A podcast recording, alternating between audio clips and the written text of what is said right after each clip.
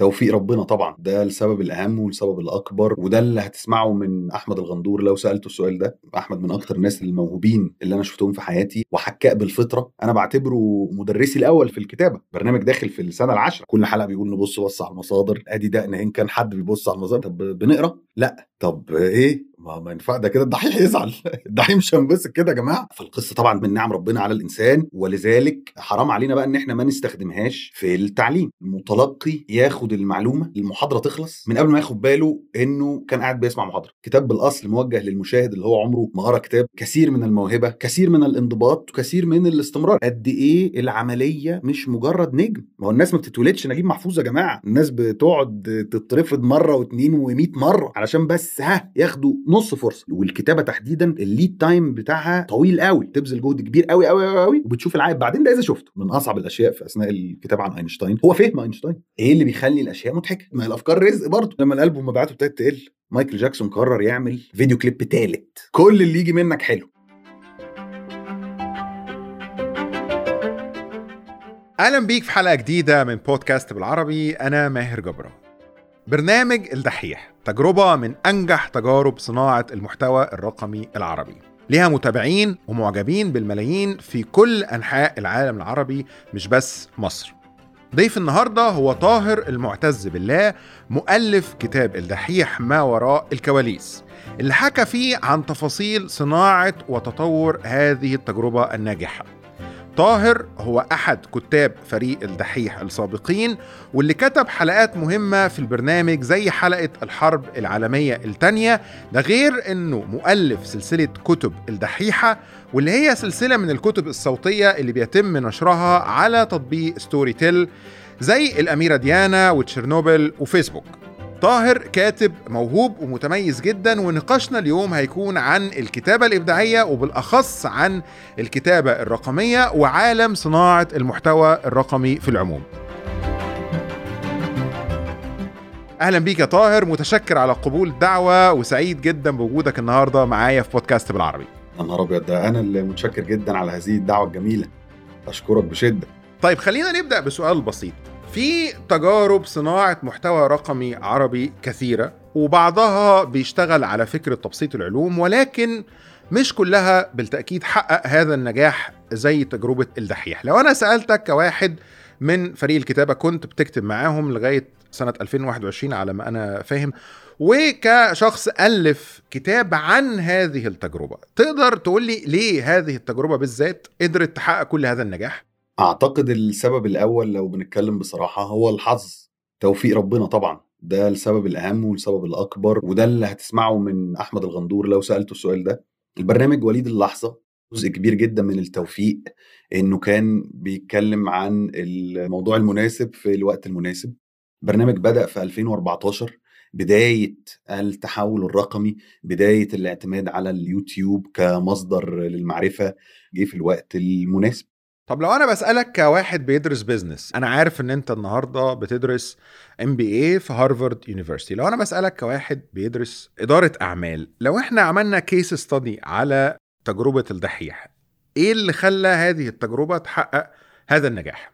سؤال ممتاز. أعتقد ممكن نقسمه لسببين كبار. الأشخاص والاختيارات بكل ما تحمله من رؤية وظروف وكونتكست عموما. بتهيألي لو بنتكلم على الأشخاص فهبدأ اولا بأحمد. احمد من أكتر الناس الموهوبين اللي أنا شفتهم في حياتي موهوب وحكاء بالفطرة وده ساهم في نشأته. الأب الوليد اللي أنا بعتبره زي أبويا يعني الله يرحمه محب جدا للقراءة. كان بيشجع ابنه من سن صغيرة جدا إن هو يقرأ. أحمد الابن الأكبر في وسط إخواته واتولد في السعودية في وقت ما كانش فيه أي طريقة للترفيه تاني غير النادي أو المكتبة. كان بيقضي وقت طويل جدا من وقته في المكتبة عمال بيقرأ وفي نفس الوقت بيقضي وقت تاني بيحكي لإخواته. يعني مثلا في الرحلة من المدينة إلى جدة هو بيحكي لإخواته كل اللي هو قراه خلال الأسبوع. يبدو شيء عشوائي تماما بس ده اكسرسايز في الحكي. فهو حاجات كتيرة جدا بيعملها بالفطرة ولكنها نتيجة تراكم معرفي وتراكم في الخبرة كمان في أسلوب الحكي. فطبعا أحمد موهوب جدا. أحمد كمان اختياراته في البداية كانت مختلفة شوية عن ما هو موجود. يعني أغلب برامج تبسيط العلوم بتمد إيديها كده وتجيب أقرب حاجة في الدرج فأقرب حاجة في الدرج اللي هي عادة شائعة أو معروفة. يعني مثلا هنعمل برنامج عن علم النفس فهنتكلم عن ال Stockholm syndrome هنتكلم عن ال prison experiment بتاعت زمباردو أحمد ما كانش كده خالص. أحمد كان عايز يروح بالمشاهد لمناطق يمكن ما يكونش سمع عنها قبل كده كتير أشياء غير متداولة مواضيع طبعا قتلت بحثا في الخارج ولكن لم يتم تداولها بالشكل الكافي في الوطن العربي. وكان بيكتب ومش بس بيقدم وهو كاتب موهوب جدا بيكتب عن الأشياء اللي هو مهتم بيها بشكل شخصي وأعتقد الحب والاهتمام ده ظهر. فطبعا أحمد بس لو أنا هتكلم عن أحمد وهديله كل هذا الكريدت لأن أنا الحقيقة شخص أنا بعتبره مدرسي الأول في الكتابة. ده أكتر واحد أنا اتعلمت منه في فكرة إزاي الواحد يكتب شيء يبقى بيمزج بين التعليم والترفيه دي حاجة ممكن نرجع لها تاني بالتفصيل قدام. إلا إن لو أتكلم عن أحمد فلازم أتكلم عن أبو أحمد وعن أم أحمد اللي أنا بعتبرهم الأبطال الحقيقيين في القصة ولذلك أنا وجهت لهم شكر في الإهداء للكتاب لأن لو أنا راجل حقاني أخدت بالي. وأنا لا أدعي إني راجل حقاني بس بحاول يعني أبقى راجل حقاني لازم يتقال لهم شكرا طبعا وتسلم إيديكم على اللي أنتوا عملتوه ده. الدعم اللي وفروه له مش بس وهو صغير لا وهو كبير. يعني إن أحمد يبدأ البرنامج وهو في الجامعة ويقدر ما يدخلش بقى في صراع الطور مع الساقية ويبدأ بقى يدور على شغل إنه يبقى عنده وقت يحاول ينمي ويطور موهبته أو إن هو يجري وراها ويشوف عل وعسى إيه اللي هيحصل. ده طبعا نشكر الأهل عليه نشكر الأهل عليه في عدم الضغط على اختيار تخصص معين نشكر الأهل على حاجات كتيرة جدا. وكل دي امتيازات. يعني كل دي نعم فضل كبير من ربنا عشان كده الأول سبب قلته في سبب نجاح البرنامج هو الحظ والتوفيق ودعم الأهل. طبعا الأهل يمكن كانوا الدعم الأول لما البرنامج بدأ أحمد كان one man show كان هو اللي بيكتب وقعد صيف كامل في الوقت اللي ناس بيقضوه بيدوروا على internship ناس تانية بيقضوه في السفر. هو قعد صيف كامل بيحاول يدرس المونتاج والتصوير والإضاءة. طب درس إزاي؟ خد كورس؟ لأ خالص على اليوتيوب. المعلومة موجودة. ومتاحة والعلم قريب بس اللي يدور. طبعا again امتياز كبير قوي إن هو يبقى عنده ما يكفي من الوقت المتاح إن هو ياخد من الوقت ده للتعلم ده في حد ذاته امتياز. أنا مؤمن تماما بأهمية الأمل ومؤمن تماما بأهمية السعي. ومؤمن تماما بإن الاستسلام للظروف ده لن يؤدي إلى شيء. بس مؤمن تماما إن في الوقت اللي الواحد محتاج يبقى بيسعى فيه وبيبقى متفائل فيه إن هو يبقى عنده إدراك ووعي واعتراف وسلام نفسي بحجم الامتيازات اللي بالزبط. هو بيتمتع بيها. الامتيازات دي بداية من الجينات اللي ليس له أي اختيار فيها اطلاقا انتهاء بقى بالأصدقاء انتهاء بالأهل انتهاء بالأفكار الاوقات ما الأفكار رزق برضه. فطبعا أنا شايف إن هو مش يا ده يا ده أنا شايف إن الواحد ممكن يجمع بين أنا متفق معاك. وفي نفس الوقت الامتيازات مش عيب هو العيب إن الواحد يبقى بيحاول ينكرها والعيب الأكبر إن الواحد ما يبقاش بيحاول يعمل بيها حاجة مش بس لنفسه مش لتحقيق الذات خالص هو لإفادة الغير. الامتياز ده المفروض آخده واساعد بقى غيري آخد الحبل ده كده واوصله اللي جاي بعدي. ده ساعتها يبقى الامتياز وصل للأمر شيء. وده اللي أعتقد أحمد عمله. يعني أنا ما كنتش بحاول في الكتاب اطلاقا إن أنا أقول إن انظر إلى قصة الكفاح. بس كنت بحاول أقول انظر إلى الرحلة انظر إلى مجموعة الاختيارات أو مجموعة الظروف اللي أدت إلى هذا البرنامج. طبعا البرنامج بعد حوالي سنتين لم يعد one man show جت شركة الإنتاج اللي هي ال Post Office وراهنوا عليه وراهنوا على نجاحه وحاولوا إن هم يطلعوا بيه بقى مستوى أكبر من الشهرة المحلية إلى بقى يعني from local to regional إن شاء الله في يوم من الأيام global وابتدى بقى هنا الموضوع يتحول وأحمد نفسه ابتدى يتعلم كتير جدا. هنا بقى ظهرت فكرة ال persona إن الدحيح ده لازم يبقى ليه persona وابتدى يبقى فكرة إن إحنا نبحث عن distribution channel لازم نبحث عن قناة توزيع تبقى في بقى قناة لها وصول أكبر ولا انتشار أكبر. وبعدين المرحلة الأخيرة أعتقد بقى كانت مرحلة الفريق إن كل بقى كاتب من الكتاب جه باهتمامات مختلفة. وأحمد له الشكر برضه في ذلك لأنه لو ما كانش عنده تواضع حقيقي يخليه مستعد إنه يطلق العنان للفريق اللي حواليه ويثق فيهم ويخليهم كل واحد يحاول يبقى بيقدم أفضل نسخة ممكنة. ده ما كانش هيحصل. فهي طبعا حظ طبعا وتوفيق ربنا. كثير من الموهبة كثير من الانضباط وكثير من الاستمرار. يعني هي الموهبة ملهاش أي معنى ولا لها أي قيمة من غير جهد واستمرار. أحمد كان بيعمل ماجستير كان مقدم على منحة وخدها لدراسة التعليم في هونج كونج. عمل ماجستير بعد ما اتخرج من الجامعة. كان بيرجع كل شهر علشان يصور. ما كانش بيتعامل مع الكتابة إنها وحي من السماء أو إن هي بقى هالة كده حاجة divine وده مشكلة أغلب الكتاب أو مشكلة أغلب ال creatives عموما. لأ هو ده شغل والشغل ده يعني لازم أحترم الناس اللي دافعة فلوس في التصوير وأحترم الفريق اللي جاي وأحترم الناس اللي مراهنة عليا وعلى نجاحي وشركاء في النجاح ده. وطبعا آخر بقى حاجة الاستمرار. الاستمرارية. بص على الفيديوهات بتاعت 2014 وبص على الفيديوهات بتاعت النهارده. طبعا أكيد هتشوف في potential هتشوف إن في حاجة فريدة جدا بس طبعا هتلاقي فرق شاسع في المستوى في كل النواحي يعني النواحي الفنية منها بقى الجزء ال technical ومن حتى من نواحي الإلقاء والحكي. فأعتقد الكثير والكثير والكثير من الأسباب من أهمهم توفيق ربنا ودعم الأهل. وأنا لما كنت بقول كده ما كانش الهدف برضو تاني تصوير قصة الكفاح على قد ما ده كان الجزء اللي بخاطب بيه الأهالي. آه. الكتاب بالأصل موجه للقارئ صغير السن كبير المقام. كتاب بالأصل موجه للمشاهد اللي هو عمره ما قرا كتاب. ببقى في منتهى السعادة لما حد يبعت لي يقول لي ده أول كتاب قريته في حياتي. الكتاب ممكن يكون هايف جدا بس ممكن نطلع منه بحاجة مهمة جدا. إن أي حد صغير عنده برنامجه كل واحد عنده الحاجة اللي نفسه فيها يبقى عارف إن السكة طويلة يبقى عارف إن الموضوع صعب. وفي نفس الوقت نفسي بقى بيني وبين نفسي إن الأهالي يقروا. يعني نفسي أقول لهم كل واحد ابن زمنه لما تلاقوا الابن أو الابنة جايين بفكرة كده تبدو ليس لها أي أساس من الصحة أو تبدو غريبة جدا يعني ها يعني نسيبه يجرب لأنه حتى لو ما كملش ففي التجربة إفادة بس. خليني أنقل على حتة تانية. infotainment هو مصطلح مقصود بيه المحتوى اللي بيقدم معلومة أو تعليم في نفس الوقت أنت بتتفرج عليه وأنت مبسوط أو في نوع من الفن أو الترفيه. يعني يمكن البرنامج ده أحد الحاجات الأساسية في تقديري يعني اللي سببت نجاحه هو إنه عرف كويس جدا يعمل الخلطة دي.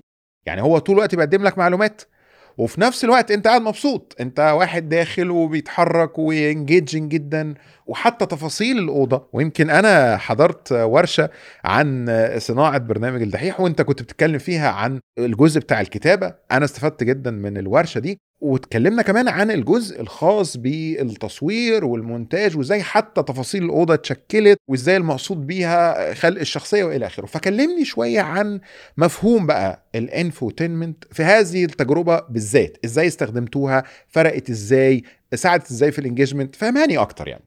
في مقولة أنا مش متذكر مين اللي قالها أعتقد هو أحد أساتذة الفيزياء وكان أحمد دايما بيكررها في أوقات كتير وهي إنه الهدف هو إن المتلقي ياخد المعلومة والمحاضرة تخلص من قبل ما ياخد باله إنه كان قاعد بيسمع محاضرة. لأنه أول ما بياخد باله إن في حد بيحاول يعلمه الإنسان بي... يعني إحنا أصلا ما بنحبش حد ينصحنا فما بالك بفكرة بقى إن حد جاي يعلمنا بس بنحب حد يحكي لنا إحنا بنحب الحكايات جدا. فأنا بعتبر إنه الحكاية هي حصان طرواده المخادع جدا الممتع جدا. اللي من خلاله ممكن تمرير أي كم ونوع من المعلومات اللي ممكن تتخيلها طالما بتتقال في صورة أنا جاي أحكي لك؟ إنما أنا جاي أعلمك؟ لا طبعا. من أنت. قف مكانك. محدش بيقبل إنه يتعلم ولا حد بيقبل إنه يتنصح الفكرة بقى في الحكي وده يبان قوي في الفيديوهات حتى القديمة جدا ليه. يعني ليه مثلا فيديو شهير جدا في البدايات خالص كان بيتكلم على المريخ. هو عايز يتكلم عن حاجة ملهاش أي علاقة اطلاقا بأي قصص بس علشان يقدمها اخترع قصة إن أنت تبقى واخد المدام وماشي في المركبة الفضائية.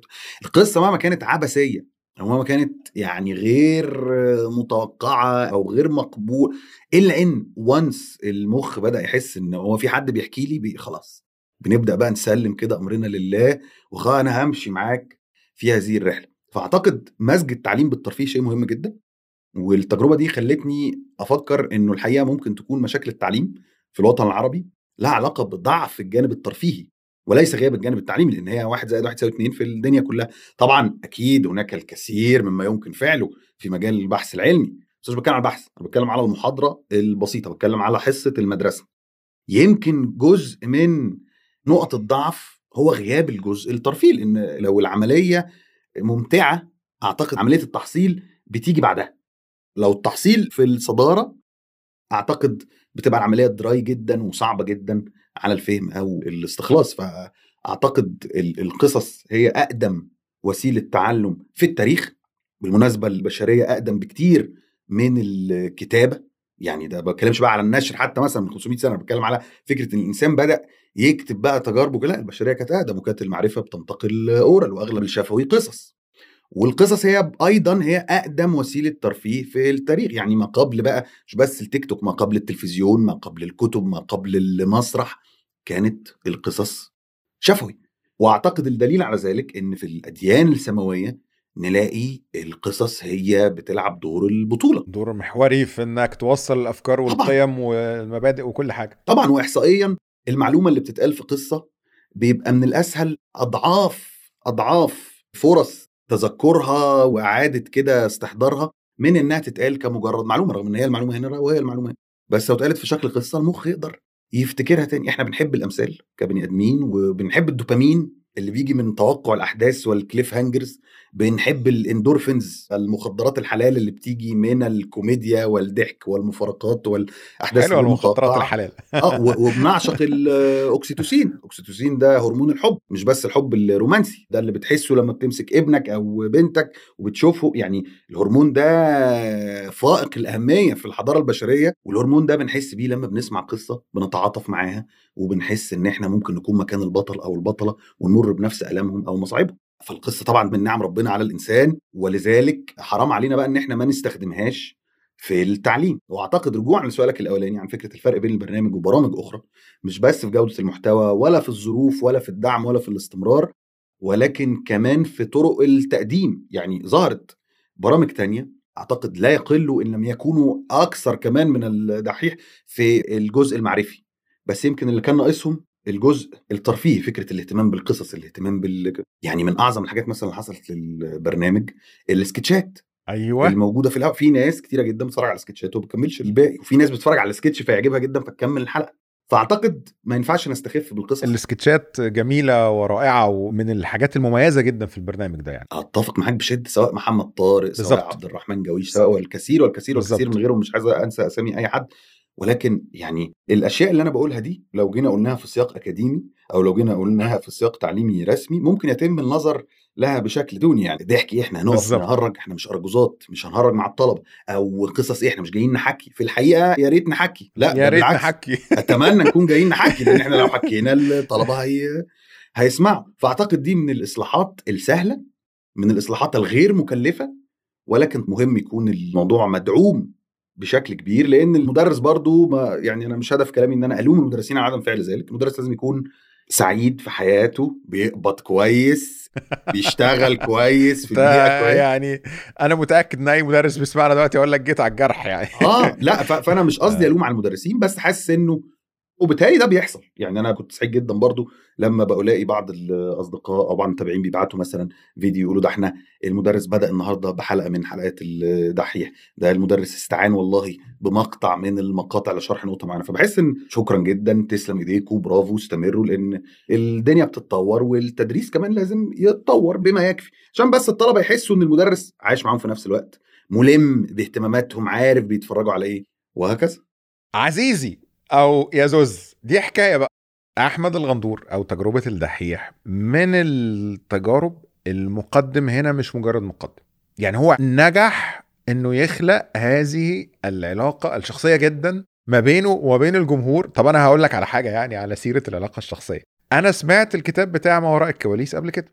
إمبارح وأنا قاعد بسترجع التفاصيل علشان أنشط يعني ذاكرتي يعني أخدت بالي سمعت تقريبا نص الكتاب التاني مرة تانية. خدت بالي إنه نهى الكلام بإنه بيقول للجمهور خد بوسة بقى. بعد ما خلص الكلام خالص وخلص الكتاب وشكرا والكتاب خلص فقال لك خد بوسة بقى. أنا سألت نفسي مين عنده هذه الجرأة كمقدم برنامج إنه ينهي البرنامج بتاعه أو الكتاب يعني اللي كان بيقراه صوتيا لهذه الدرجة؟ ولهذه الدرجة هو مدرك إنه عنده هذا ال leverage عنده الجمهور والجمهور يعني مثلا تلاقيه في مرات كده هو بيتكلم ما تبص على المصادر أنت ليه مش بتبص على عايز أنت بتزعل لنا ليه يا عم؟ بس يعني في هذا العشم وهذه العلاقة الشخصية. كلمني شوية بقى عن الحتة دي يعني إزاي هو نجح؟ يخلق أو أنتوا كفريق بمعنى أصح نجحتوا تخلقوا هذا ال character اللي هو الدحيح اللي نجح يبني هذه العلاقة الشخصية وزي دي فرقت برضو في ال engagement مع الجمهور. والله جزء آه، مقصود وجزء رباني وده يعني وجهة نظري الشخصية. الجزء المقصود كان بفضل ال Post Office رشيدي ومحمد حسام هم ال co-founders بتوع الشركة. رشيدي بالذات كان عنده خبرة في صناعة البرامج وكان مخرج قبل ما يكون منتج. فكان مهتم جدا فكرة إن الدحيح المقدم يبقى ليه persona وال persona دي ممكن تكون مختلفة عن أحمد. لو بنتكلم عن دحيح فالدحيح ده هيبقى وحيد هيبقى nerd جدا زي ما الكتاب بيقول عنده كتب أكتر ما عنده صحاب قاعد في الأوضة طول الوقت وعنده غرور عنده ايجو عالي جدا لأن هو عنده insecurities كتيرة جدا. يعني هو شايف إن هو وحيد قاعد في القوقعة وفي وسط هذه القوقعة بالنسبة له الحاجة الوحيدة اللي بت boost ال ego ده هو المعرفة. فأنا جاي أتنطط عليك وأبقى very arrogant إن أنا أعرف وأنت ما تعرفش. فدي كانت جزء من ال persona في الأول ويمكن الناس كان بعضهم بيتخض يعني كان في بعض التعليقات اللي هو أنت بتزعق لي ليه يا عم فعلا زي ما أنت بتقول؟ بالظبط. ده كان الجزء ال intentional زي ما كانت كل حاجة في البرنامج intentional يعني كان في معمولة بقصد يعني. معمولة بقصد زي تصميم الأوضة اللي مثلا كان مستوحى من فيلم Fight Club زي حتى الألوان. مفيش حاجة في البرنامج في البداية كانت عشوائية كلها كانت بتحاول إنها تصب في هذه ال persona أحمد بقى الغندور نفسه كشخص مختلف تماما. أحمد الغندور من أكتر الناس المتواضعين اللي أنا شفتهم في حياتي وما بقولش ده عشان أزكيه أنا بقول ده والدليل على ده هو إن هو بدأ يستعين بكتاب آخرين وإن هو بقى بيسمع وهو البرنامج مش هيستمر لو الشخص مش بيسمع ولا مش بيسمع آه. ومش بيدي فرص. ومش هيسمع غير لو هو آه. فعلا مش ما عندوش إيجو بس مسيطر على الإيجو. الإيجو متلجم كلنا عندنا egos بس بعضنا يخسر في هذا الصراع بعضنا الآخر ينتصر. فأنا أتمنى إنه يفضل منتصر على هذا الإيجو على طول. فده كان الجزء ال intentional الجزء اللي مش intentional بقى اللي هو ده ممكن يبرر بالاستمرار البرنامج داخل في السنة العاشرة إحنا 2023 وبنتكلم البرنامج بدأ 2014 هو حاجتين يعني أنا أعتقد إنه اولا ال exposure effect فكرة إنه ترى الشيء أكتر من مرة تسمع الشخص أكتر من مرة تحبه. وأبسط مثال ألبوم عمرو دياب بينزل.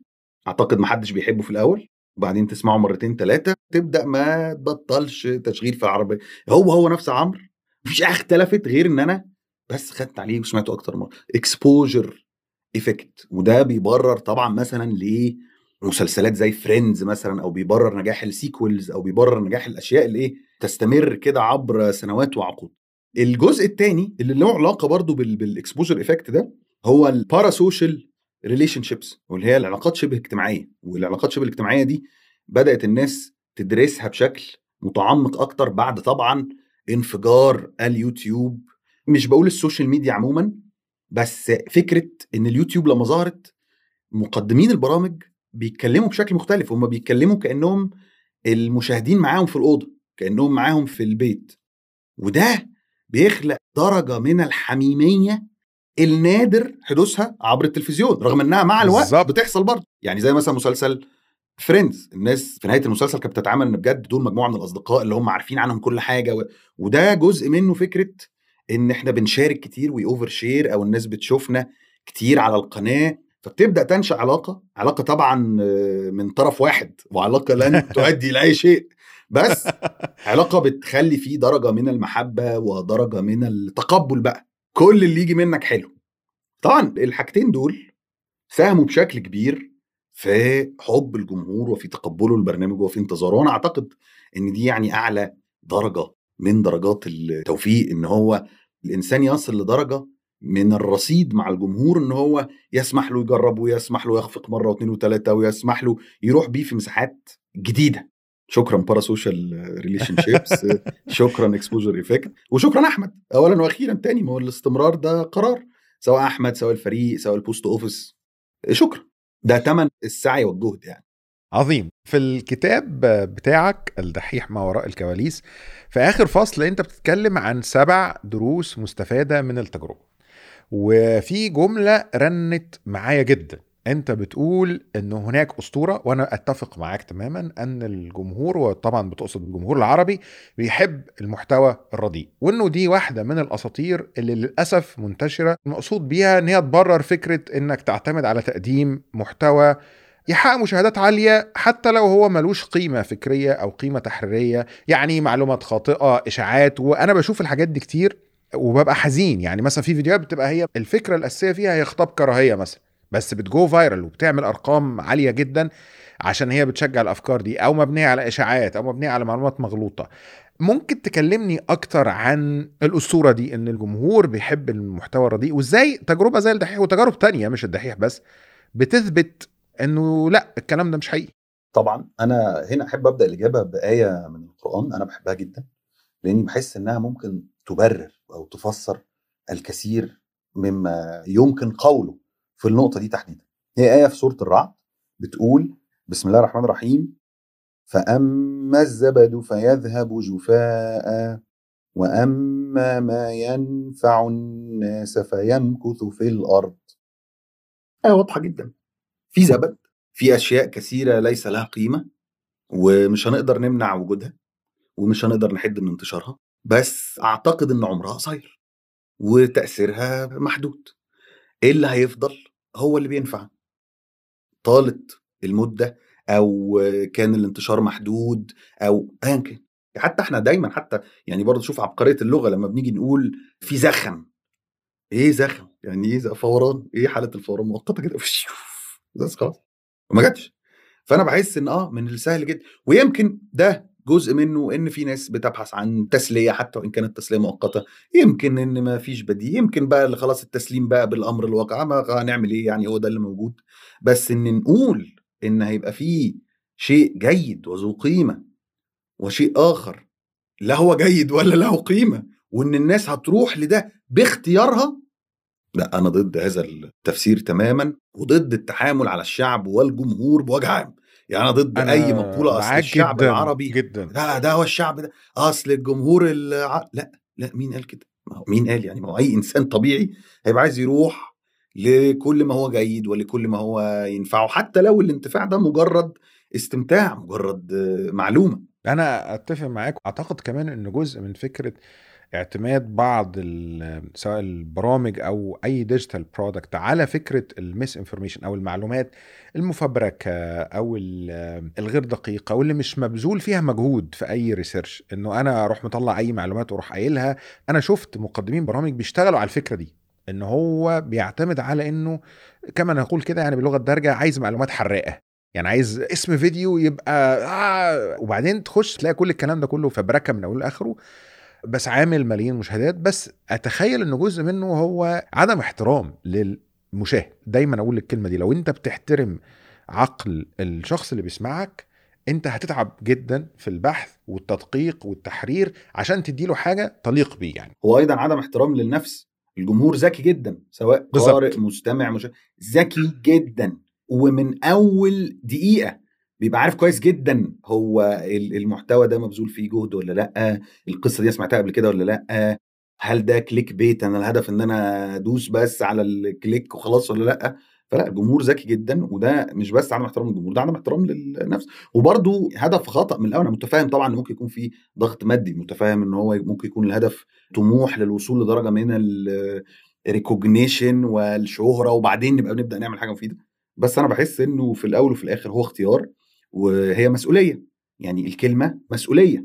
فالواحد اللي قبل ما يقول كلمة لازم يبقى قد هذه المسؤولية سواء بالتدقيق في المصدر أو سواء ب يعني أنا بحس إن ما نضيعش وقت بعض. هتتفرج عليا خلاص ما ضيعش وقتك بقى. لأن ممكن تتفرج على حد تاني أو ممكن تقفل الفيسبوك خ... يعني ممكن تعمل حاجات كتيرة جدا مفيدة مش لازم أبقى أنا في حياتك بالغصب يعني. خلاص طالما عايز أتكلم يبقى لازم يكون في حاجة مهمة تستحق إن أنا أتكلم. غير كده ما أتكلمش يعني. طيب خلينا ننقل لجزئية تانية. أو الجزئية التانية من الحلقة هي سلسلة الدحيحة اللي أنت بتكتبها وبتنشر على تطبيق ستوري تيل وبالمناسبة أنا أشجع كل اللي بيسمعونا إن هم يخشوا يبصوا على السلسلة ممتعة بشكل استثنائي. سمعت حتى الآن أربع أو خمس أجزاء منها. لم أشعر بالملل لثانية. بالعكس استفدت اتعلمت شفت زوايا جديدة.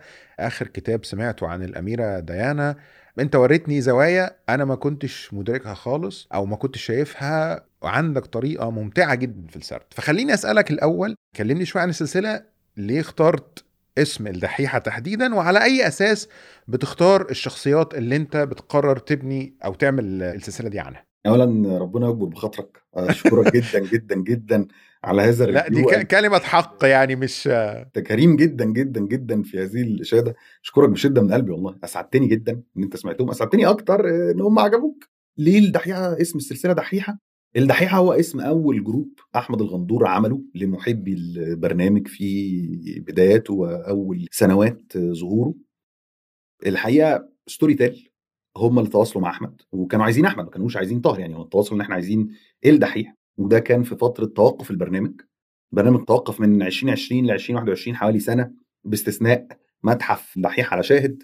ففي فترة دي التوقف هم كانوا عايزين يستفيدوا من شعبية الدحيح وشعبية البرنامج. فإن إحنا نقدم برضه محتوى مفيد وكتب صوتية ونشوف إيه اللي نقدر نعمله. يبقى دحيح ولكن مش دحيح. يعني يبقى بدل ما يبقى تلت ساعة ونص ساعة لأ تعالى نتكلم بقى في إن إحنا عندنا الفورمات مختلف وال platform يسمح بوقت أطول. فنقدر نعمل إيه؟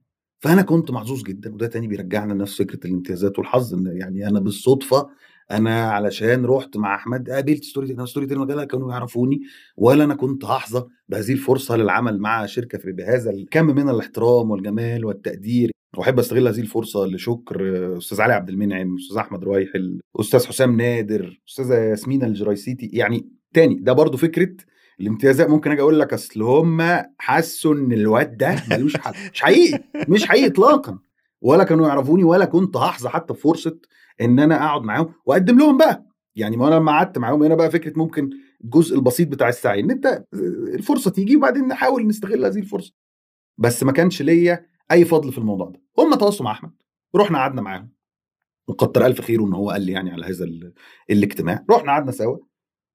لأن هو كان عارف إن إحنا في الوقت ده بنتكلم في إن إحنا إيه ممكن يتم عمله بشكل مختلف. وأنا الحقيقة بحب السير الذاتية جدا لأن السير أنا بجد فيها الدراما organic يعني الإنسان بيقعد يجتهد في صنع الدراما بينما السير فيها الدراما يعني على الجاهز. السير بتبقى صعوبتها في البحث وبتبقى صعوبتها في التجميعه في ال outline وبتبقى صعوبتها في إيه يتحط إيه يتشال في الترتيب. إحنا ما قعدنا معاهم أنا اقترحت إن إحنا نعمل سلسلة وهذه السلسلة تبقى سلسلة سير ذاتية ونعملها زي Netflix كده بمواسم seasons فهي تبقى كتب صوتية مجمعة بحيث الناس تسمع لأطول فترة ممكنة طبعا عشان نجيب زباين والناس تدفع اشتراكات. فاقترحت عليهم هذا الموضوع فالناس وافقت جدا ورحبوا جدا ومضينا العقد من حوالي سنتين. لأن أنا في الوقت ده في انتظار عودة البرنامج كنت بالفعل كتبت سيرة عن محمد صلاح وكنت بالفعل لما قعدت معاهم بخلص سيرة الملاكم محمد علي وهكذا. يعني وكنت بقى بدأت أجيب كتب عن نجيب محفوظ كنت مهتم جدا بمالكم إكس بعد ما بدأت أقرأ محمد علي لأن المدخل كان محمد علي. كنتش أعرف مالكم اطلاقا مجرد اسم من بعيد. وهكذا. فحسيت إن السير بتقدم الشاسيه أو بتقدم حصان طروادة اللي إحنا اتكلمنا عنه بتقدم القصة اللي من خلالها بقى ممكن نشوف مواضيع علمية زي مثلا سيرة أينشتاين ممكن نشرح ما هي ميكانيكا الكم وممكن نشرح يعني إيه electromagnetic wave ممكن نشرح بقى يعني إيه E equals MC squared بمناسبة إن فيلم أوبنهايمر للزميل العزيز كريستوفر نولان نازل إن شاء الله في الصيف. وممكن نتكلم عن التاريخ. ممكن نحكي اللي حصل لمجتمع بأكمله خلال حياة هذا الشخص اللي هي عادة بتتراوح من نص قرن لقرن كامل زي نجيب محفوظ اللي عاش 95 سنة مثلا. وناقشنا من خلال الكتاب الصوتي بتاعه أحداث أو أهم ما حدث في مصر في الجزء الأول من القرن العشرين سواء من ثورة 19 أو الحرب العالمية الثانية أو الاحتلال أو التأميم أو وما إلى ذلك. فأنا بحس إن السير الذاتية دي حلاوتها. بتديك دراما جاهزة بتديك كاركتر نقدر نتعاطف معاه ومرة ما نتعاطفش معاه ونغضب منه ونزعل منه بس بتخلينا نفهمه. ومش الهدف خالص إن أنا أبقى مع أو ضد يعني ده السؤال ده أنا سألته كتير هل أنت مع أم ضد؟ أنا لا مع ولا ضد. أنا جاي أفهم مش جاي أدعم أو أهاجم. أنا الهدف الفهم يعني أنا أجد إن هناك ده جزء من إعجابي بالسلسلة بالمناسبة. رجوعا إلى لو سمحت لي يعني رجوعا إلى القصة بتاعت الأميرة ديانا.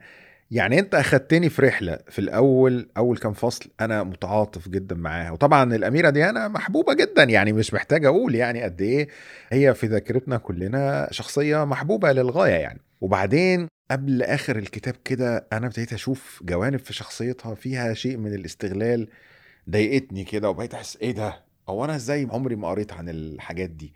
وبعدين في الآخر رجعت تاني تعاطفت معاها جدا وحسيت إنه لأ أنت بتوريني زاوية تانية. فهو الرحلة دي عجبتني وعجبني هذه الموضوعيه وعجبني إن أنت مش عايز توريني الموضوع بفكرة يا أبيض يا أسود يا مع يا ضد لأ بالعكس. ده إحنا عندنا هذه الأبعاد. نقطة تانية مثلا من الحاجات اللي برضو لازم أتكلم عنها مثلا في موضوع الأميرة ديانا أنا كصحفي مهتم بموضوع ال misinformation وال disinformation عمري ما هعرف أشرح ال disinformation وال misinformation بطريقة ممتعة جدا زي ما أنا في آخر الكتاب فهمته. يعني إزاي محمد الفايد كان بيؤجج فكرة الإشاعات عن وفاة الأميرة ديانا وإن هي مدبرة وإنه ده ما حصلش بشكل إنه دي حادثة عادية لأ ده العيلة المالكة قتلت هوا بس أنا ما فهمتش كل هذه التفاصيل إلا لما سمعت يعني كان في زوايا كتير أنا مش عارف كل هذه التفاصيل. فبعد ما خلصت الكتاب حسيت إنه إيه أنا لو عايز أشرح ال misinformation بطريقة ممتعة جدا مش هلاقي أحسن من كتاب زي كده عشان يشرح لي ال misinformation. لو عايز أشرح إزاي الديكتاتوريه بتؤدي لكوارث مرعبة مش هلاقي مثلا أحسن من كتاب بتاع تشيرنوبل. إزاي تشيرنوبل بياخدني في رحلة ما بين سياسة وتاريخ وهندسة ويفهمني إزاي الديكتاتوريه ممكن تؤدي لكارثة رهيبة جدا. انت شرحت لي ال concept اللي هو يبدو concept abstract مجرد ممكن يكون ممل بس في حكاية. شابوه. يعني هو ده بس اللي أنا أشكرك جدا. عايز أقوله يعني. لا بالعكس أنا أشكرك جدا جدا جدا وأعتقد إن ال misinformation دي اللي بتخلي كتاب كتير بيبقوا متبنيين موقف معين. أنا مع إن الكاتب يكون ليه صوت جدا وما يكسفش إن هو يعبر عن رأيه ما يبقاش مجرد ناقل للمعلومة. ولكن طبعا لازم يوضح إن إمتى هنا ده رأيي وإمتى هنا دي معلومة موثقة. ولكن في نفس الوقت مهم جدا إن البحث يبقى قوي. يعني ما هو ال misinformation دي بتتناقل لأن البحث ضعيف.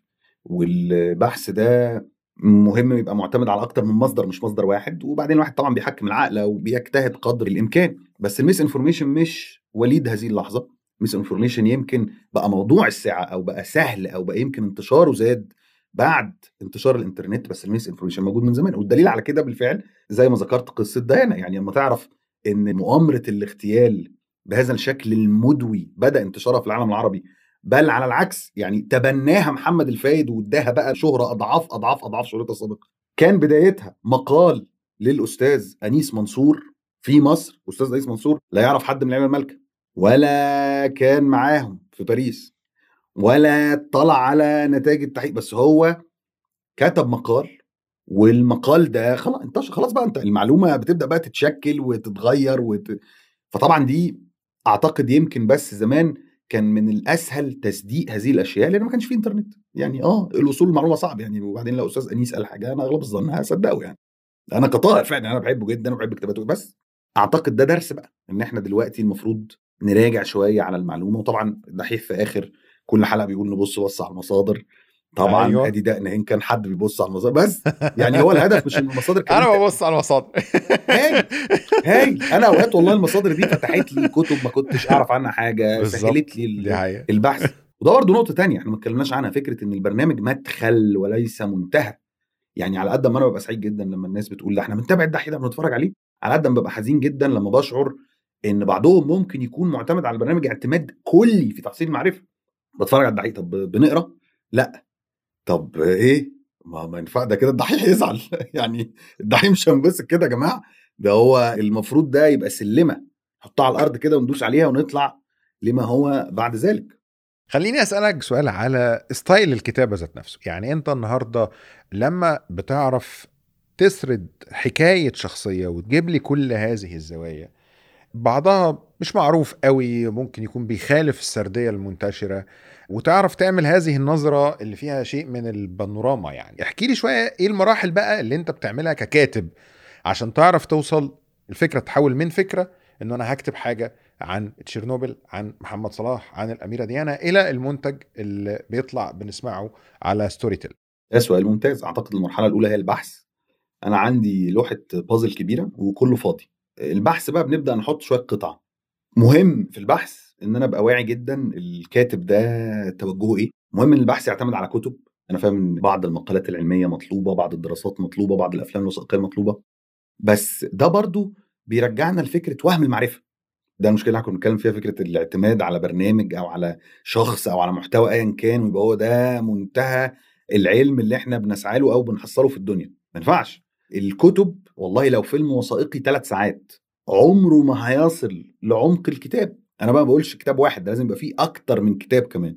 ده أنا بتكلم في حالة إن أنا هعمل سيرة ذاتية عن شخص ودي برضو مسؤولية. ما هو أغلب الظن إن الشخص ده ميت أغلب الظن إن الشخص ده مش هيطلع يرد عليا مثلا. ففي عدم تكافؤ. يعني أنا في الملعب لوحدي أنا صوتي بس هو المسموع فجزء من ده مسؤولية. وتاني حاجة إنه لازم أفضل أملى البازل ده لحد ما يبقى عندي شاسيه برضه أقدر أمشي عليه. لما أحس إن النقلات اللي في حياة الشخص أو القرارات أسبابها بقت معروفة يعني حصل كذا وبعدين حصل كذا لأ يبقى أنا كده لسه ما فهمتش. حصل كذا فحصل كذا أو حصل كذا فأدى إلى كذا. لما أفهم المسببات وأفهم إيه المتغيرات أبقى ساعتها أقدر أقول إني ممكن أحكي. إنما أنا طالما أنا مش قادر أشرح الشيء أو أنا لازالت بعض الأشياء غايبة عني يبقى لأ يبقى البحث لازم أكمل فيه شوية كتير لحد ما أحس إن البازل اقترب إلى الاكتمال بأفضل شكل ممكن وابتديت أحس إن أنا سمعت آراء مع وضد سمعت شخص بيحب وشخص بيكره سمعت حد قريب وحد بعيد يعني مثلا في السير الذاتية زي كتاب الدحيح؟ مش هتلاقي ولا مشكلة في كتاب الدحيح.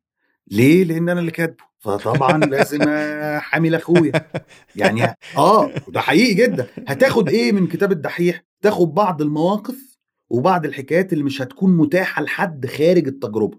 فده الكتاب بتاع الشخص السيرة الذاتية. أنا كاتب بقى autobiography فده طبعا مهم أبقى عارف ده الكتاب ده autobiography آه يبقى آخد منه شوية spices كده شوية بهارات بس طبعا الباقي هرميه في الزبالة. يجي بقى حد مثلا كتب كتاب عن الدحيح بس من بره بقى. تاخد بقى الرأي بقى الموضوعي بقى تسمع بقى المشاكل والأحداث و... بس يمكن مش هتجد التفاصيل الحميمية. في بقى حاجات بين البنين ده عادة بيبقى الشخص اللي هو الصحفي الشخص الباحث وكلما كان أحدث كلما كان أفضل. يعني أنا مثلا من أفضل الكتب اللي أنا قريتها عن الاميره ديانا كتاب تينا براون Diana Chronicles. رائع رائع. ورائع ليه؟ لأن أنا قريته بعد ما هي عدلت النص بعد 20 سنة من وفاتها. يعني 97 نزلت نسخة تانية 2017 حطت فيها كل بقى الدراسات والتحقيقات والمشاكل و...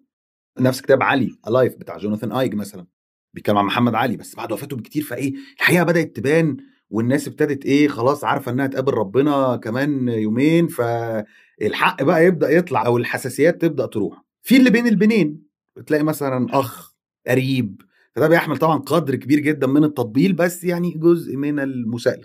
فأنا أعتقد إن وأنا بملى البازل لازم أبقى عارف هذه الأشياء ولازم أبقى بحاول أجمع على قد ما أقدر على قدر الاستطاعة يعني والفهم والجهد. ونبدأ بقى نحكي. بس لازم أبقى بحكي يعني ما ينفعش مثلا من أصعب الأشياء في أثناء الكتاب عن أينشتاين هو فهم أينشتاين أنا ما فهمش حاجة خالص في هذه فطبعا كان في كورس مكثف مكثف. وثائقيات بقى على برامج على كل اللي أقدر عليه لأن أنا لو ما فهمتش مش هقدر أحكي. وهنا بقى المسؤولية لو أنا جيت أنا ما فهمتش مثلا النسبية وجيت أحكيها هيبان من أول سطر إن أنا شخص مش فاهم وبيحاول يحكي. يا تفهم وبعدين تقول يا ما تفهمش في ساعتها ما تتكلمش ولذلك أنا الحلقة دي كانت مهددة بأنها تتلغي أكتر من مرة أكتر من مرة واتأخرت في تسليمها ويعني كان في كبيرة جدا لأن كانت لازم الواحد دايما يتذكر إن القارئ ذكي جدا وهي الغلطة بفورة. أنا عشان أثق فيك واقرا لك أو أسمع لك أو أتفرج عليك مرة واثنين وثلاثه ده عهد مبني على الثقة. هاجي أقل بالثقة دي مرة واحدة بس. شكرا خلاص. كله الدار نبدأ بقى ندور في اللي فات بقى. طب أنت بقى كنت مكروته وجاي تحكيهولي. فطبعا البحث ثم البحث ثم البحث. والقراية ثم القراية ثم القراية قبل المشاهدة قبل الاستماع قبل أي حاجة. بعدين المرحلة الثانية بقى هي مرحلة التجميع. يعني خلاص جبنا قطع البازل دي بقى عايزين بقى نبدأ نشكلهم نبدأ بقى نحطها في أماكنهم. أنا مش عايز المستمع أو القارئ يزهق. فمهم أبقى محدد من الأول إيه المهم وإيه اللي مش مهم اللي يتشال. إيه اللي يتشال؟ وفي نفس الوقت لازم يبقى دايما حاسس إن في تغيير ولازم ما يبقاش سابقني بخطوة. المخ دايما يعني أنت هتلاقي نفسك بتتفرج على فيلم مثلا. هو ديد ات فيلم جريمة. انت من أول لحظة انت عايز تجيب القاتل. شفت؟ قلت لكم. آه. فالمخ دايما بيحاول يسبق بخطوة. لازم أبقى أنا سابقه بخطوتين. عن طريق إن كل لما أتوقع إن إحنا ماشيين في هوب نروح مغيرين الاتجاه. والتغيير ده هو اللي بيخليه صاحي. لأن هو أول ما يبدأ يحس إن هو شايف الخط على امتداده يبدأ يزهق. نبدأ بقى نفتح الإنستجرام نبدأ بقى نسمع وإحنا في المطبخ. فالموضوع ده يجي بقى عن طريق لو أنا البحث عامله كويس وعندي معلومات كتيرة جدا أقدر بقى دايما إيه أروح مغير الاتجاه. إحنا داخلين هوب داخلين شمال. حصل حدث سعيد حصل حدث حزين. فهو التغيير ده ال ups وال downs ال ups ده زي جهاز ضربات القلب كده. لو القصة ماشية بهذا الشكل المشاهد؟ هيفضل موجود معاك. وده مش معناه إنها هتفضل ماشية كده وخلاص يعني هو مش أي تغيير. هو لازم يكون تغيير منطقي. مش هنغير في الأحداث عشان نخليها أكثر إثارة. وطبعا ال editing ال editing برضو يعني بعد الانتهاء من الكتابة مهم جدا الواحد يبقى وهو بيحرر بيبقى قاسي جدا على نفسه. كتابة مهم الواحد يبقى بيطبطب على نفسه كده ويبقى حنين كده وابن حلال. ال editing أو التحرير لأ. إن أنت تعمل first draft أو يعني آه. بالظبط. مهم في التحرير تبقى العملية في منتهى القسوة لأنه لازم الواحد يبقى عارف وهو بيكتب في حاجات في دماغه مش بالضرورة كلها تظهر على الورق. فاللي بيسمع واللي بيقرأ واللي بيتفرج ده مش معاك في دماغك. فالأمر ممكن ما يكونش واضح. ممكن يكون بالعكس تم الاستفاضة فيه بزيادة. ما بحبش برضو نعيد المعلومة 40 مرة. خلاص هو عارفها يعني لو ما فهمهاش هيسمعها تاني. يعني مش لازم نقعد بقى كده مرة واثنين ومش بطعمه يعني. بس والتوفيق طبعا اولا وأخيرا وإن الواحد يجرب. الواحد برضه يجرب وما يخافش إن هو يبقى بيقول صوته وما يخافش إن هو يبقى بيقدم شرح وجهة نظر الأحداث طالما معترفين من البداية إن إحنا لا ندعي الموضوعية وإن ده على حجم فهمي ومعلوماتي. يعني بلا شك هذا الكتاب اللي أشكرك جدا إنك يعني بتشيد بيه وبتقول إنه كان فيه كمية كبيرة من البحث. لو أنا بعمل مثلا رسالة دكتوراه الكتاب ده ولا لا يقارن يعني. تاني إحنا بنحاول نقدم أفضل ما هو موجود والمصادر موجودة في النهاية. وانطلق. ويمكن ده أحد الحاجات اللي بعض الناس بيبصوا مثلا تجربة التحقيق على إنه أصله مش بيقدم كل المعلومات. أيوه ما هو مش مرجع علمي. هو في النهاية ما حدش قال إنه دي مثلا سواء في الدحيح أو في تجارب مشابهة أو في اللي أنت بتقوله إنه ده مثلا textbook أو كتاب فيزياء أو كتاب كيمياء. لا هو برضو أنت بتحكمك عوامل كتيرة منها الوقت منها إن أنت عايز اللي بيسمعك يبقى مستمتع فأنت بتركز على تفاصيل وتفاصيل تانية ما بتقدرش تركز عليها. غير المرجع العلمي اللي هو هيقول لك كل حاجة بالتفصيل لكن طبعا. ده ما ينفعش لده وده ما ينفعش لده. طبعا الحفاظ على الإيقاع شيء مهم جدا. الحفاظ على الريتم ال pace.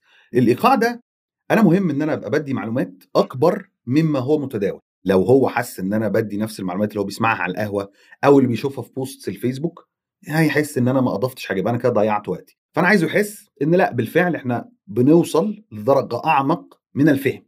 وفي نفس الوقت لازم أديله معلومات أقل شوية من اللي تزهقه. يعني هو في رينج كده. ده رينج إنه سطحي جدا ده رينج إنه متخصص جدا. في مساحة حلوة جدا للعب في النص والخيار هنا ما بيبقاش بس مجرد التقييم المعرفي هيبقى خيار المعلومة دي أهميتها إيه في القصة.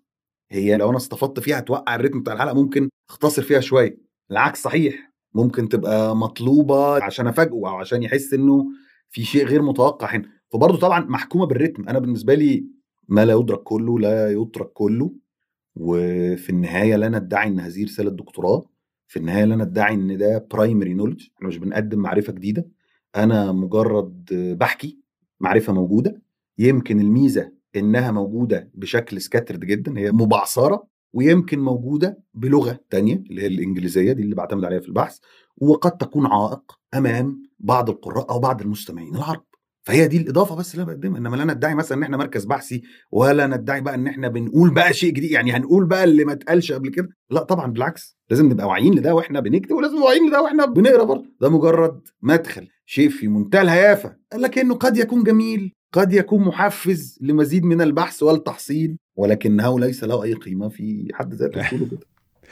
ليه اخترت الكتابة بالعامية؟ شفت بعض الناس بينتقدوا الفكرة دي إنه هو ليه بيكتب بالعامية؟ المعتاد في الكتب إنك تكتب باللغة العربية الفصحى. أنا شخصيا أرى إن دي نقطة قوة وأرى إنه العامية هي الأنسب للكتابة الديجيتال. ده رأيي الشخصي طبعا كثيرون يختلفوا معايا يقولوا لأ اكتب برضه بالفصحى ولكن أنا لما بقعد أتخيل كده لمدة ثواني مثلا لو الدحيح ده بيتكلم بالفصحى مستحيل كان ينجح النجاح ده. يعني تخيل كده انت عايز تقول نكتة بالفصحى. هي أصلا مجرد إن أنت عايز تقول نكتة بالفصحى هي نكتة. في حد ذاتها شفت في كان فيديو منتشر على الفيسبوك كده جايبين لقطة من فيلم الليمبي عاملين دوبلاج يعني قال يعني بيتكلم بالفصحى. فكانت حاجة مضحكة جدا يعني. فليه اخترت إنه السلسلة تبقى بالعامية؟ والله في فرق ما بين العربي المكتوب والمقروء وفي فرق ما بين العربي المستخدم في الحوار اليومي. ودي مشكلة القارئ اللي بيقرأ بالإنجليزي ما بيواجههاش لأنه الإنجليزي اللي بيستخدمه هو الإنجليزي اللي بيقرأه هو اللي بيسمعه. أحد المشاكل اللي بتواجه القارئ أو المستمع العربي إنه بيجي بيسمع أوديو بوك مش هي دي اللغة اللي هو بيستخدمها في حياته اليومية. لما بيجي يقرأ مش هي دي اللغة اللي بيستخدمها. طبعا هل ده معناه إن إحنا ما بنقراش بالفصحى؟ بالعكس. لا طبعا. مهم جدا إن إحنا نقرأ بيها. بس أنا بتكلم هنا على اللي بيقرأ لأول مرة اللي بيستمع لأول مرة اللي لسه ما وصلش لهذه الدرجة من التعود. إن أنا أروح له باللغة اللي هو بيستخدمها وبيحبها وبعدين هو بقى ينطلق. أسهل بكتير أما أطلب منه إن هو اللي يجي لي على لغة أو طريقة هو لا بيستخدمها ولا بيتعامل معاها اطلاقا. فده كان الهدف إن إحنا نروح للمشاهد. بلغة هو متعود عليها. خصوصا المشاهد الأصغر سنا بالظبط. اللي ممكن يجد ده باللغة العربية الفصحى تبقى بالنسبة له مملة مش عايز يسمعها يعني. برضه جزء من الخيار ان الدحيح هو اللي كان بيقوم بالتقديم. يعني الدحيح هو اللي كان بيعمل ال narration وعمل narration لأول الموسم الأول والموسم الثاني. الموسم الثالث ده أنا اللي بعمل له narration ولذلك كان برضه الهدف إن إحنا عايزين الحاجة اللي الناس متعودة عليها. هو ده فكرة التعاقد مع الدحيح من البداية بالنسبة لل story ده إحنا عايزين تيجي تعمله عندنا بشكل, بشكل بقى مختلف. وعندك بقى مساحة بقى. اتكلم بقى براحتك لأن خلاص ما بقاش فيه ال limit اللي على المشاهدة. القارئ ممكن يبقى عنده أكبر قوة تحمل أو صبره أعلى ثم درجة تانية المستمع ثم درجة طبعا أقل خالص بقى المشاهد السكرول ده ودانا في داهية. فهذه هي الأسباب الرئيسية. متفاهم طبعا النقد اللي جه من الكتاب واستفدت منه كتير جدا. يعني مثلا أحد العيوب الجبارة اللي أنا كنت عاملها سواء في الكتاب أو في الجزء الأول من السلسلة إن أنا لما كنت بكتب الدحيح كنت بكتب مثلا حلقة في الشهر. النكت الإفيهات الطرق لو بتتفرج عليها مرة كل 10 12 حلقة مش مشكلة خالص. ما بتاخدش بالك. وغيري بيكتب إنما لما بتبدأ تسمعها ورا بعض أو تشوف الكتاب أكتر من يعني أنا قررت بعد الإفيهات أكتر مرة ده كان عيب آه، خطأ كبير آه، اعتمدت على نفس الطريقة.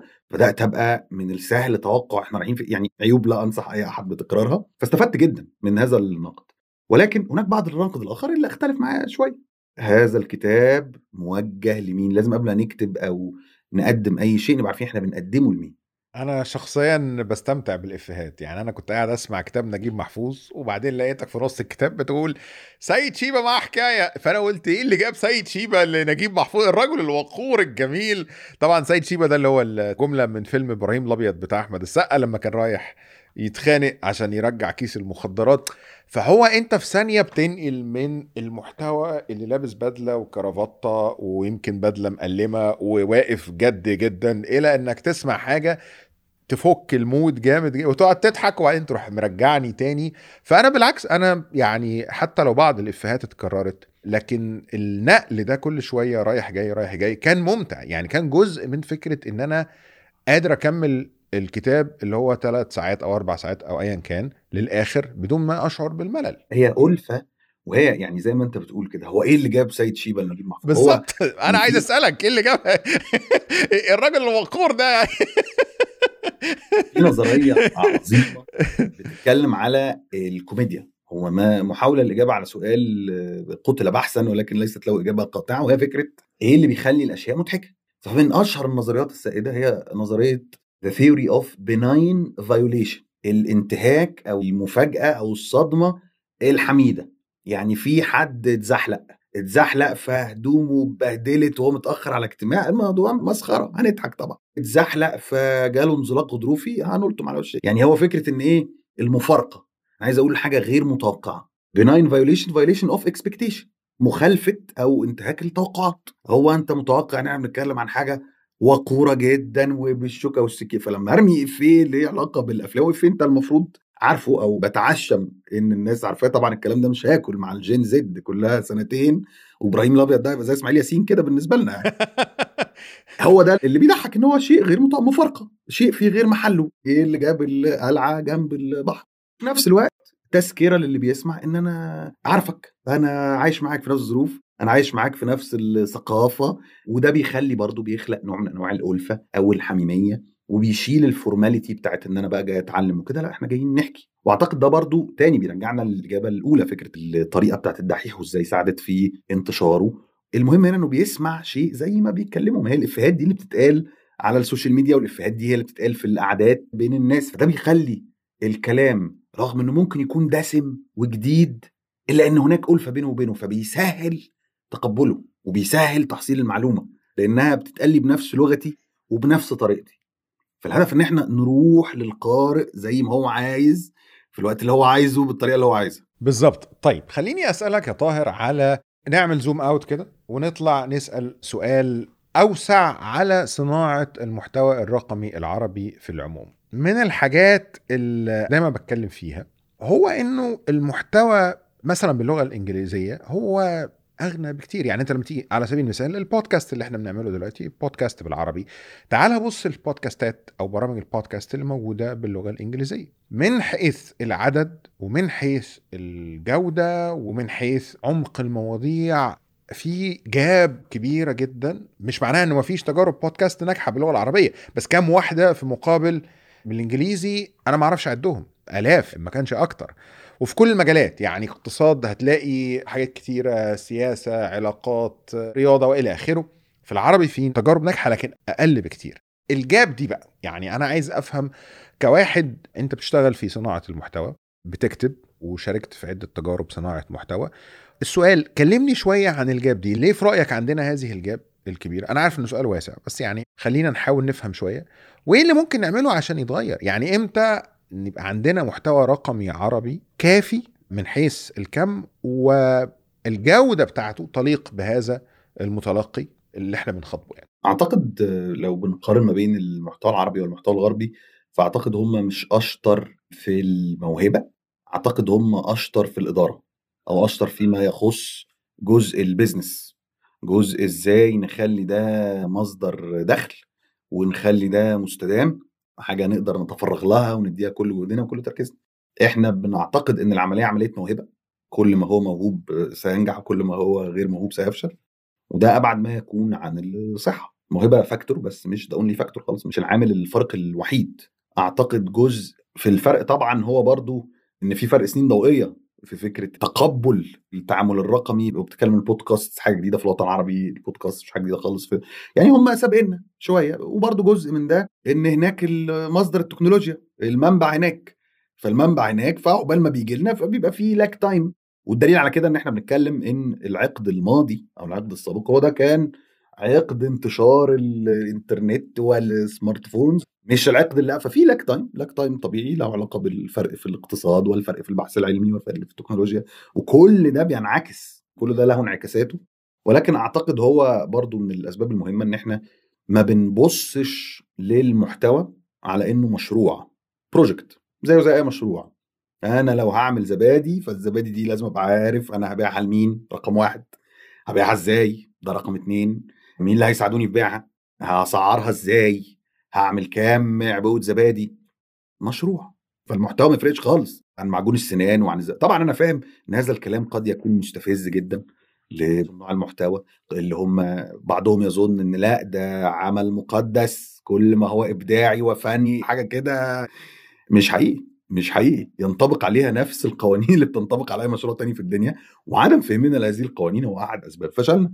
أنا بدرس دلوقتي مادة اسمها business of sports media and entertainment مش قادر أحكي مدى انبهاري من قد إيه جزء كبير جدا من المشاريع اللي كسرت الدنيا. على قد ما الموهبة بتبقى جزء فيها على قد ما في جزء تاني ملوش أي علاقة بالموهبة هو اللي ساهم في نجاحها ووفر لها الميزانية الضخمة ووفر لها. يعني مثلا كمثال بسيط جدا مايكل جاكسون. طبعا مش بتكلم عن الشخص اطلاقا أنا بتكلم على الفنان المغني مايكل جاكسون. قد يكون من أشهر المغنيين في التاريخ. لو جينا نحط كده دايرة على العلامة الفارقة في حياة مايكل جاكسون أغنية Thriller في أوائل الثمانينات كسرت الدنيا.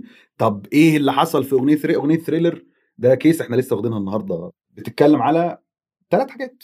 الأغنية دي طبعا الألبوم كان ساحق وكان بيبيع حوالي مليون نسخة في الأسبوع يعني الألبوم كان طاير. وبعدين بدأت مبيعاته طبعا. طبعا في بداية بقى عصر القنوات والفضائيات فاتعمل له اتنين video clips.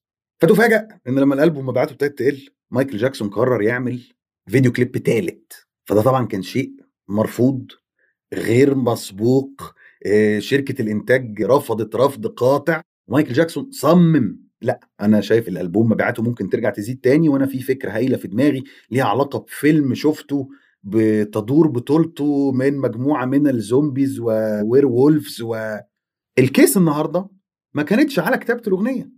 وما كانتش على طبقات صوت مايكل جاكسون. ال case النهارده كلها كانت على إزاي قدروا يوفروا مليون ونص دولار الرقم ده إحنا بنتكلم سنة 82 لعمل video clip ثالث وإزاي أقنعوا القنوات منها قناة MTV اللي هي لم تكن تسمح بعرض أغاني مصورة لمطربين سود لأن طبعا أغلب المتفرجين عليهم كانوا بيض فكانوا يحبوا يتفرجوا على فرانك سيناترا وإلفيس بريسلي. وإزاي المحامي بتاعه قدر خد صولات وجولات وبعدين لما الأغنية اتعرضت بقى شكرا اللي فات كوم واللي جاي كوم تاني طبعا أنت دلوقتي لما نيجي نتكلم عن مايكل جاكسون هتقول إيه موهوب أصل صوته رائع ابن الذين بيرقص بالزبط. عليه بالزبط. شفت ال moonwalk بالزبط. عليه سحبة إيه بقى. لا مش حقيقي مش حقيقي مش السحبة والله والله ما ال moonwalk في مليون ونص دولار من غيرهم كان زمانه يعني بيغني مع الفنان إيهاب توفيق في الأفراح وفي أنا بحب الفنان إيهاب توفيق جدا يا سلام يا سلام يا سلام بس تاني ده مجرد مثال مجرد مثال بسيط على قد إيه العملية مش مجرد نجم. لأ النجم ده في أسباب كتير قوي بتشارك في صناعته والنجم ده لازم يكون في ظروف لازم يكون في أرض خصبه لنمو هذه البذرة. طبعا أنا آسف على الإطالة في هذا المثال بس كنت حابب إن أنا بالعكس ما هو دي يمكن دي النقطة اللي أنا أقصدها إن الموضوع مش مجرد شغف أو هواية أو أصلا أنا بحب أكتب أو أنا بحب أصور فيديوهات دي صناعة النهاردة أرى إنه صناعة المحتوى الرقمي العربي هي صناعة فيها مشاكل كبيرة جدا في العالم العربي لو قارناها وده اللي أنا أقصده إن أنا أتكلم عنها من عينين الإدارة وعلى إنها صناعة زي صناعة الزبادي زي ما أنت بتقول لأنه في النهاية من الحاجات المحزنة إنه أنا بشكل شخصي أعرف ناس كتيرة جدا موهوبة لكن بعد فترة لأنه ما فيش مؤسسات كافية إنها تدعم أو دعم كافي للناس دي ناس كتيرة بطلت أو على الأقل التجارب بتاعتها ما قدرتش توصل للبوتنشال اللي كان ممكن توصل له لو هناك هذا الدعم. دي النقطة اللي أنا أقصد أتكلم فيها إنه من حيث دي كصناعة إيه اللي ممكن نعمله في العالم العربي عشان تبقى أفضل عشان تبقى في مكان أحسن عشان المحتوى الرقمي العربي أغنى؟ لأنه المتلقي بتاعنا يستحق. دايما ألوم على الناس إنه يقول لك الشاب في المنطقة العربية مش فاهم وعنده عنصرية وعنده يا جماعة هو اللي بيتربى في الولايات المتحدة أو في أوروبا على ما بيوصل لسن 18 سنة بيتعرض لكم من الأفكار اللي بتشكل وعيه بشكل مختلف. إحنا ما عندناش ده. إحنا عندنا معظم المعرفة السنسورد في المدرسة وفي الجامعة وفي الإعلام. طب اديله أنت ربع بس الأفكار اللي الأخ التاني ده بيتعرض لها وشوف هو ممكن يوصل لإيه يعني. فايه اللي ممكن يتعمل يعني؟ لو حبينا نعتبر هذا سؤال ختامي إيه اللي في رأيك ممكن يتعمل؟ إيه اللي انت بتأمله عشان هذه الصناعة تبقى في مكان أحسن؟ خلينا نقول في الأول إن هذه الصناعة الصناعة الإبداعية كل ما هو creative أو صناعة الترفيه عموما بكل ما فيها من رياضة موسيقى تلفزيون وسينما وكتابة لو حطينا كل الأشياء الثقافية دي أو المنتجات الثقافيه ما بحبش أقول منتجات عشان يعني ثقافة اللسان عارف موضوع حساس بس لو قلنا دول كلهم ممكن نقول عليهم cultural product وصنفناهم فللأسف الشديد السوق بتاعهم هو ما يسمى بال winner takes all market دي أسواق أو صناعات أو مجالات الغالب فيها بياخد كل حاجة. يعني هتلاقي إن مثلا ممكن تكون 90% من الدخل والشهرة والإنجاز والمبيعات مثلا عند ال top مش بقى 10% top 1% كام لاعب كرة قدم في العالم كام كريستيانو رونالدو. في كتاب رائع اسمه Blockbusters لدكتورة أنيتا إلبرس هي أستاذة التسويق عندنا في الجامعة وبتشرح إنه بالإحصائيات يعني انظر على مرتبات مثلا اللاعبين في ال Premier League في الدوري الإنجليزي. شوف اللاعبين الأعلى دخلا أعلى 10 لاعبين بياخدوا كام وشوف الأقل بياخدوا كام. عادي جدا. وده في كل حاجة. الكتاب كده لاعبي الكمانجة كده. صناع المحتوى كده يعني هو للأسف الشديد التوزيعة مش عايز أقول غير عادلة بس غير متساوية بالمرة. فمهم إن أي حد عنده طموح عنده اهتمام عايز يجرب حتى وعايز يخش هذا المجال إنه يبقى عارف إنه المنافسة طاحنة the night is dark and full of terror لازم يبقى عارف إن إيه العملية صعبة جدا من وهو داخل. ويبقى عارف برضو وأن ليس الإنسان إلا ما سعى إن السعي ده إن شاء الله إن شاء الله إن شاء الله هيفرق معاك. هيفرق معاك بعده طرق يا هيفرق معاك في إن أنت هتتحسن كأنك بتروح الجيم يعني. أنا مش لازم أبقى Big Ramy وأنا أغلب الظن بنسبة 99% أنا اكد لك مش هبقى ال Big Ramy بس يعني بس ما يمنعش إن أنا لو رحت الجيم سنة هتحسن. ما يمنعش إن أكيد لو رحت الجيم بانتظام 10 سنين أكيد هتحسن أكتر وأكتر. فالممارسة مهمة جدا. هل الممارسة دي هتؤدي بقى لل الانطلاق للعالمية ولا لأ؟ الله أعلم. بس هي سواء أدت هايل خير وبركة سواء ما أدتش فأكيد استفدت من التجربة. يعني إحنا برضو بنعشق قصص النجاح الرهيبة رغم إن الهواية ممتعة جدا. يعني أنا مش لازم أبقى كريستيانو رونالدو بس أنا ممكن أبقى بلعب كورة كل أسبوع مع أصحابي في منتهى السعادة يعني. ممكن ده يبقى مخرج إبداعي للشخص. مش لازم أبقى بكتب كتاب لمجرد ان أبقى الأعلى مبيع ممكن أكتب كتاب لأني عايز أكتب الكتاب ده. في جزء من تاريخي وحياتي ومشاعري عايز أكتبه وأوثقه وأقرأه. أنا دايما بتذكر هنا نجيب محفوظ. أستاذ نجيب الله يرحمه. أنا بعتبره قدوة ومثل أعلى لسببين. اولا إنه كان موظف موظف في الكتابة وخارج الكتابة. يعني هو كان بيشتغل موظف وفي الكتابة موظف. موظف بالجزء الإيجابي للكلمة. موظف إن في مواعيد عمل. بكتب كل يوم عدد ساعات معين من الساعة كذا للساعة كذا والموضوع فيه احتراف محترف بروفيشنال أنا عارف إن لازم أديها قبل ما تديني. وده فرق معاه ما بينه وبين أصحابه. يعني لو حد قرأ مثلا عمله الأول وطبعا عمله الأول كان كتاب ترجمه عن الحضارة المصرية بس روايته الأولى عبس الأقدار لا يمكن لا يمكن يتخيل إن هذا الشخص كسب جائزة نوبل بعديها بحوالي 50 سنة 88 طبعا أكيد أنا مش بنتقد أستاذ نجيب بس أنا أعتقد إن الكلام ده هو نفسه يقوله. لو نسينا إن ده أستاذ نجيب خالص وشلنا الاسم وقرينا الرواية من غير ما نعرف دي مين لا يمكن نقول إن دي رواية فائزة بجائزة نوبل. طبعا هو الشخص اللي بيفوز بجائزة نوبل مش الرواية مش العمل ده تحديدا. بس هذا الشخص بعد كتابة مستمرة لا تنقطع وجهد يعني دؤوب لمدة 50 سنة آه يكسب جائزه نوبل. طبعا ده مين اللي ما يكسبش جائزه نوبل؟ جدير بالذكر إنه وهو بيبدأ في أحد المسابقات اللي كان ساعتها بيقدم فيها ككاتب شاب يعني. ما هو الناس ما بتتولدش نجيب محفوظ يا جماعة. الناس بتقعد تترفض مرة واثنين و100 مرة علشان بس ها ياخدوا نص فرصة. في أحد المسابقات اللي الأستاذ نجيب كان بيقدم فيها ككاتب مبتدئ وشاب كده ومقدم على الحياة كسب المركز الثاني بينما أحد أقرب اصدقائه كسب المركز الأول. فبكل المقاييس المفروض لو هنتوقع النجاح يبقى للفيرود الأولاني ده. في معانا حسام حسن يعني في number 9 واضح راس حربة قوي جدا. أنا بتكلم تاني إنه قوي جدا لأن اللي كسبه ده يا جماعة أستاذ نجيب محفوظ. ولكن ما كملش لأنه جه بعد فترة ممكن نقول فقد الاهتمام ممكن نقول أحبط شوية لأنه شايف إن طريق الكتابه طويل ومحتاج تفرغ ومحتاج وأنا مش عايز أنا مش عايز أدي الثمن ده. وحقه. وعاش حياة جميلة جدا وسعيدة جدا وربنا كرمه آخر كرم نجيب محفوظ كسب نوبل بعديها ب 50 سنة لأن هو عارف trust the process إن هي ده كان صديقه كان اسمه إيه؟ أنا مش متذكر الاسم بالتفصيل ولكن أعتقد okay. كان okay. أستاذ عادل كامل لو أنا متذكر صحيح ولكن مذكور مذكور كان أحد آه بالظبط في الكتاب فعلا مذكور بالاسم في كتاب أستاذ نجيب محفوظ فأنا أتمنى بالزبط. إن الناس اللي بتتفرج أو بتسمع تخش وتشترك وتدفع الاشتراك عشان ما تكسفنيش قدام الشركة. ادفعوا يا جماعة بعد إذنكم عشان تبادوا وجهي عشان أعرف أستمر أنا كمان. بس طبعا أنا دايما بفتكر هذه القصة علشان أقول أهو أهو أهو من الأول. فمن الأول نبقى عارفين يعني من الأول نبقى عارفين إن اولا أنا مش لازم أبقى أحسن واحد في الدنيا فيها. أنا ممكن أكون بلعب كمانجا اللي بيحب الكمانجا بلعب بيانو اللي بيحب البيانو. ولو أنا فعلا بجد فيها ما يكفي من المتعة ومن الإفادة وحاسس إن ده اللي أقدر أفيد بيه نفسي وأفيد بيه غيري وعايز أتفرغ لهذا العمل الإبداعي ايا كان في أي مجال يبقى عارف إن الثمن كبير قوي والوقت طويل قوي والكتابة تحديدا ال lead time بتاعها طويل قوي يعني أنت بتبذل جهد كبير قوي قوي قوي, قوي وبتشوف العائد بعدين ده إذا شفته. أصلا إذا شفته نبقى نتكلم. فهل أنت متقبل تخش هذا المجال ولا لأ؟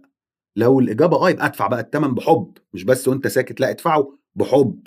تبقى رايح التمرين وأنت لا معلش تعالى وانت مبسوط إنك رايح التمرين لأنها نعمة غيرك ما عندوش. هذه النعمة. لأنها نعمة لأن غيرك ما للأسف الشديد بسبب ضغوطات الحياة أو بسبب إنه ما اداش وقت وجهد للتفكير في الشيء اللي بيحبه أو اللي يقدر يتألق فيه ويطلع كل الطاقات اللي عنده في نفس الوقت يفيد بيه غيره. نرجع تاني نحط تحت يفيد بيه غيره دي ألف مرة. ما يبقاش الهدف هو تحقيق الذات الهدف الذات ومن خلالها الآخرين. دي نعمة إن غيرك ما عندوش هذه النعمة. يا أخي غيرك بيكتب أحسن منك مليون مرة بس مطحون في الشغل عليه ديون عليه أقساط عليه إيجار لازم يدفعه. فنقول الحمد لله. يعني زي ما إحنا نبقى عارفين الدنيا صعبة جدا نبقى في الأول وفي الآخر برضه عارفين إن في حد ذاته إن إحنا في موقف لتقييم هذه الصعوبة نعمة في حد ذاته ثمن لازم يدفع. لو قرينا أي case study لأي حد في العالم يعني كنت لسه بقرأ النهارده السيرة الذاتية بتاعت والت ديزني والت ديزني كان في أحد الأيام معهوش دولار ونص علشان يروح يجيب بيه الجزمة بتاعته اللي اتقطعت من عند الراجل الجزماجي اللي بيصلحها له فكان في حد جاي يطلب منه مجموعة من سلسلة الأفلام ال animations الدعائية. راجل دكتور سنان عايز يعمل حاجات عن ال dental health. ما رضيش يقابله. قال له معيش الدولار ونص. فما بقاش والت ديزني بهذا الشكل تاني. وهذا الكلام كليشيه جدا. يعني ما مين بيبدأ في لحظة التحقق دي؟ لو بتتكلم بقى على الوطن العربي تحديدا لأنه ما فيش يعني للأسف الموهبة مش فاهمة إن العملية لا تتوقف على الموهبة. والموهبة غير مدعومة سواء بقى ب ecosystem أو ببيئة حاضنة أو غير مدعومة بمواهب تانية. ما هو الموهوب ده محتاج ممثل محتاج agent محتاج manager الموهوب ده محتاج محامي. الموهوب ده فرق بس هل فرق كبير؟ هل فرق من المستحيل تعويضه؟ لا خالص بالعكس. يمكن لأن التكنولوجيا دي برضو زي ما ادت للآخرين التفوق زي ما ادتنا برضو فرصة اللحاق هي الأداة واحدة اللي استغلها بقى. فعايز أقول ندرك إن الأمور صعبة لكن ما نحبطش ونستمر في السعي ونعتبر إن دي عملية فلترة هي عملية فلترة مين عايز يكمل ومين مش عايز يكمل. لأن تاني هو الهدف فرقعة والوصول ولا إن أنا عندي حاجة عايز أقولها؟ أنا عندي حاجة عايز أقولها خلاص يبقى أنا ما يفرقش بقى مين اللي هي تاني. كلها امتيازات لازم نبقى واعيين ليها جدا ولازم نبقى بنحاول نساعد بعض من صعوبة برضو هذا المجال صعوبة ال breakthrough صعوبة إنك تعرف حد يعني أتمنى إن أي حد عنده منصة أو عنده برنامج عنده أي شركة إن هو على الأقل يعني يسيب إيميل يعني حط فرصة بس للتواصل لأن ناس كتيرة جدا ما لهاش حد في هذا المجال وبتحاول ت... فنوسع الباب سنة بس نخلي الناس تخش يعني. في نهاية الحلقة عايز أشكرك جدا يا طاهر على الحوار الشيق وأدعو كل اللي بيسمعني إن هو يخش على ستوري تيل ويعمل اشتراك ويسمع سلسلة كتب الدحيحة. آه، شاكر جدا على وقتك وعلى الحوار الشيق وعلى أمل يكون لنا لقاءات أخرى في المستقبل. أنا اللي متشكر جدا جدا جدا جدا على هذا البودكاست الجميل وهذه الدعوة الجميلة. ويا رب دايما كده من نجاح لنجاح شكرا جدا يا ماهر. ميرسي طاهر شكرا.